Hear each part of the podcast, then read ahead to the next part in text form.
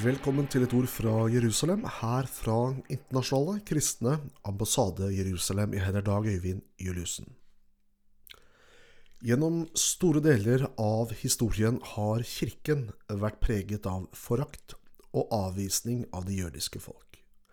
Allerede hos kirkefedrene fant man erstatningsteologi og et åpenlyst fiendskap mot jødene. Kirkemøtet i Nikea 325 år etter Kristus befestet denne utviklingen. En av de store kirkefedrene, Johannes Krysastomos, han ledde fra 347 til 407 eh, år etter Kristus. Han uttalte Synagogen er verre enn et bordell. Den er slyngelens hule, demonenes tempel, innviet til avguder i et møtested for Kristi mordere, et hus verre enn en drikkebule, et tyvenes rede, et vanryens hus, et skammens hvilested, djevlenes tilfluktssted, fortapelsens svelg og avgrunn. Av den grunn hater jeg synagogen. Jeg hater jødene av samme grunn. Dette skriver Richard Booker i boken When the Cross Became a Sword. Dessverre brakte ikke reformasjonen noen reformasjon i synet på jødene. Tvert imot fortsatte kirkens triste ferd i møte med jødene.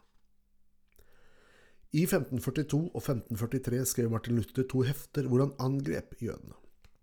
Han foreslo at jødiske skoler og synagoger skulle brennes, og at jødene skulle omplasseres til egne bosetninger. Han hadde til hensikt å konfiskere all jødisk litteratur som han betraktet som blasfemisk.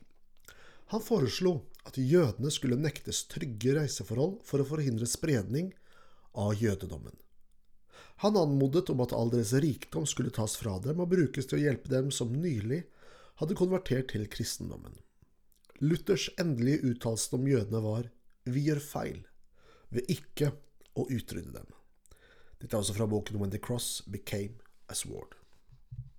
Når man i dag besøker Yad Vashem, eller holocaustinstitusjonen i Jerusalem, så vil man i, i, den historiske presentasjonen av prosessen frem mot gasskrammene finne at kirkens syn på jødene er det første punktet i denne forferdelige historien. Århundrer med kirkelig antisemittisme la grunnen for nazistenes grufulle handlinger mot jødene. I nazistenes propagandaorgan Der Styrmer kunne man lese sitater fra Martin Luther. Denne bagasjen som dagens kirke har, må man være bevisst på i møte med det jødiske folk. Nettopp derfor blir det himmelropende vondt å konstatere at Den norske kirke ikke er i stand til å ivareta en varm og god dialog med den lille jødiske minoriteten i Norge. Det er direkte hjerteskjærende. Jov Melkjord, som er eh, rabbiner i Det mosaiske trossamfunnet i Oslo, han sier det ble for vanskelig for DMT å ha et fast samarbeid med DNK når de har kommet med uttalelser som vi opplever som demoniserende og hatskapende. Dette skrev han i Vårt Land i slutten av mai. At den samme kirkes bispemøte i oktober i fjor angrep kristensionisme, får så være. Men at dialogen med Det mosaiske trossamfunn har strandet, er for å si det forsiktig helt uakseptabelt.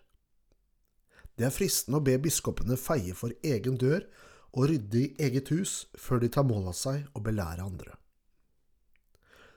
Mens tusenvis av raketter nylig haglet over Israel, demonstrerte biskop Solveig Fiske mot Israel og trakk paralleller til Nazi-Tyskland. Det er per definisjon antisemittisk. Heldigvis har biskopen beklaget ordbruken, men det vitner om en ufølsomhet og manglende forståelse for de aktuelle problemstillinger som ikke er kirkens ledere verdig.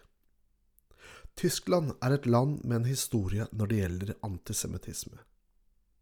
Et flertall i den tyske nasjonalforsamlingen vedtok i 2019 en resolusjon som slår fast at Boikott Israel-kampanjen er antisemittisk, og krever forbud mot statlig støtte til organisasjoner som slutter opp om den. Argumentasjonsmønsteret og metodene til BDS er antisemittiske, het det i resolusjonsteksten. Østerrikes folkevalgte vedtok i februar 2020 enstemmig å fordømme boikott av Israel. Resolusjonen erklærer boikott av Israel som antisemittisme og oppfordrer til å ta avstand fra alle anti-israelske bevegelser.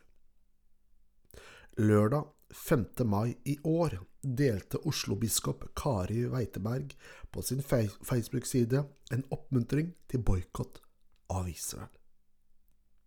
Man får lyst til å bruke utestemme og spørre om noen er hjemme. Den norske kirkes ledelse marginaliserer seg selv med sin ubalanse og slagside i denne saken. Nå er det ikke bare tid for oppgjør med fortidens misgjerninger. Nå må det ryddes i eget hus om det skal ha noen troverdighet. Vi skal lytte i musikk.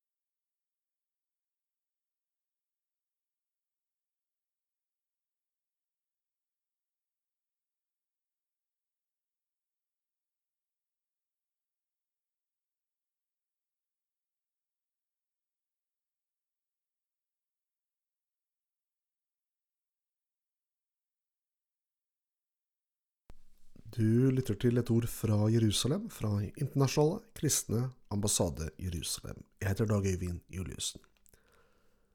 I over 40 år har IKAI arbeidet med å bringe forsoning og forbrødring mellom kristne og jøder.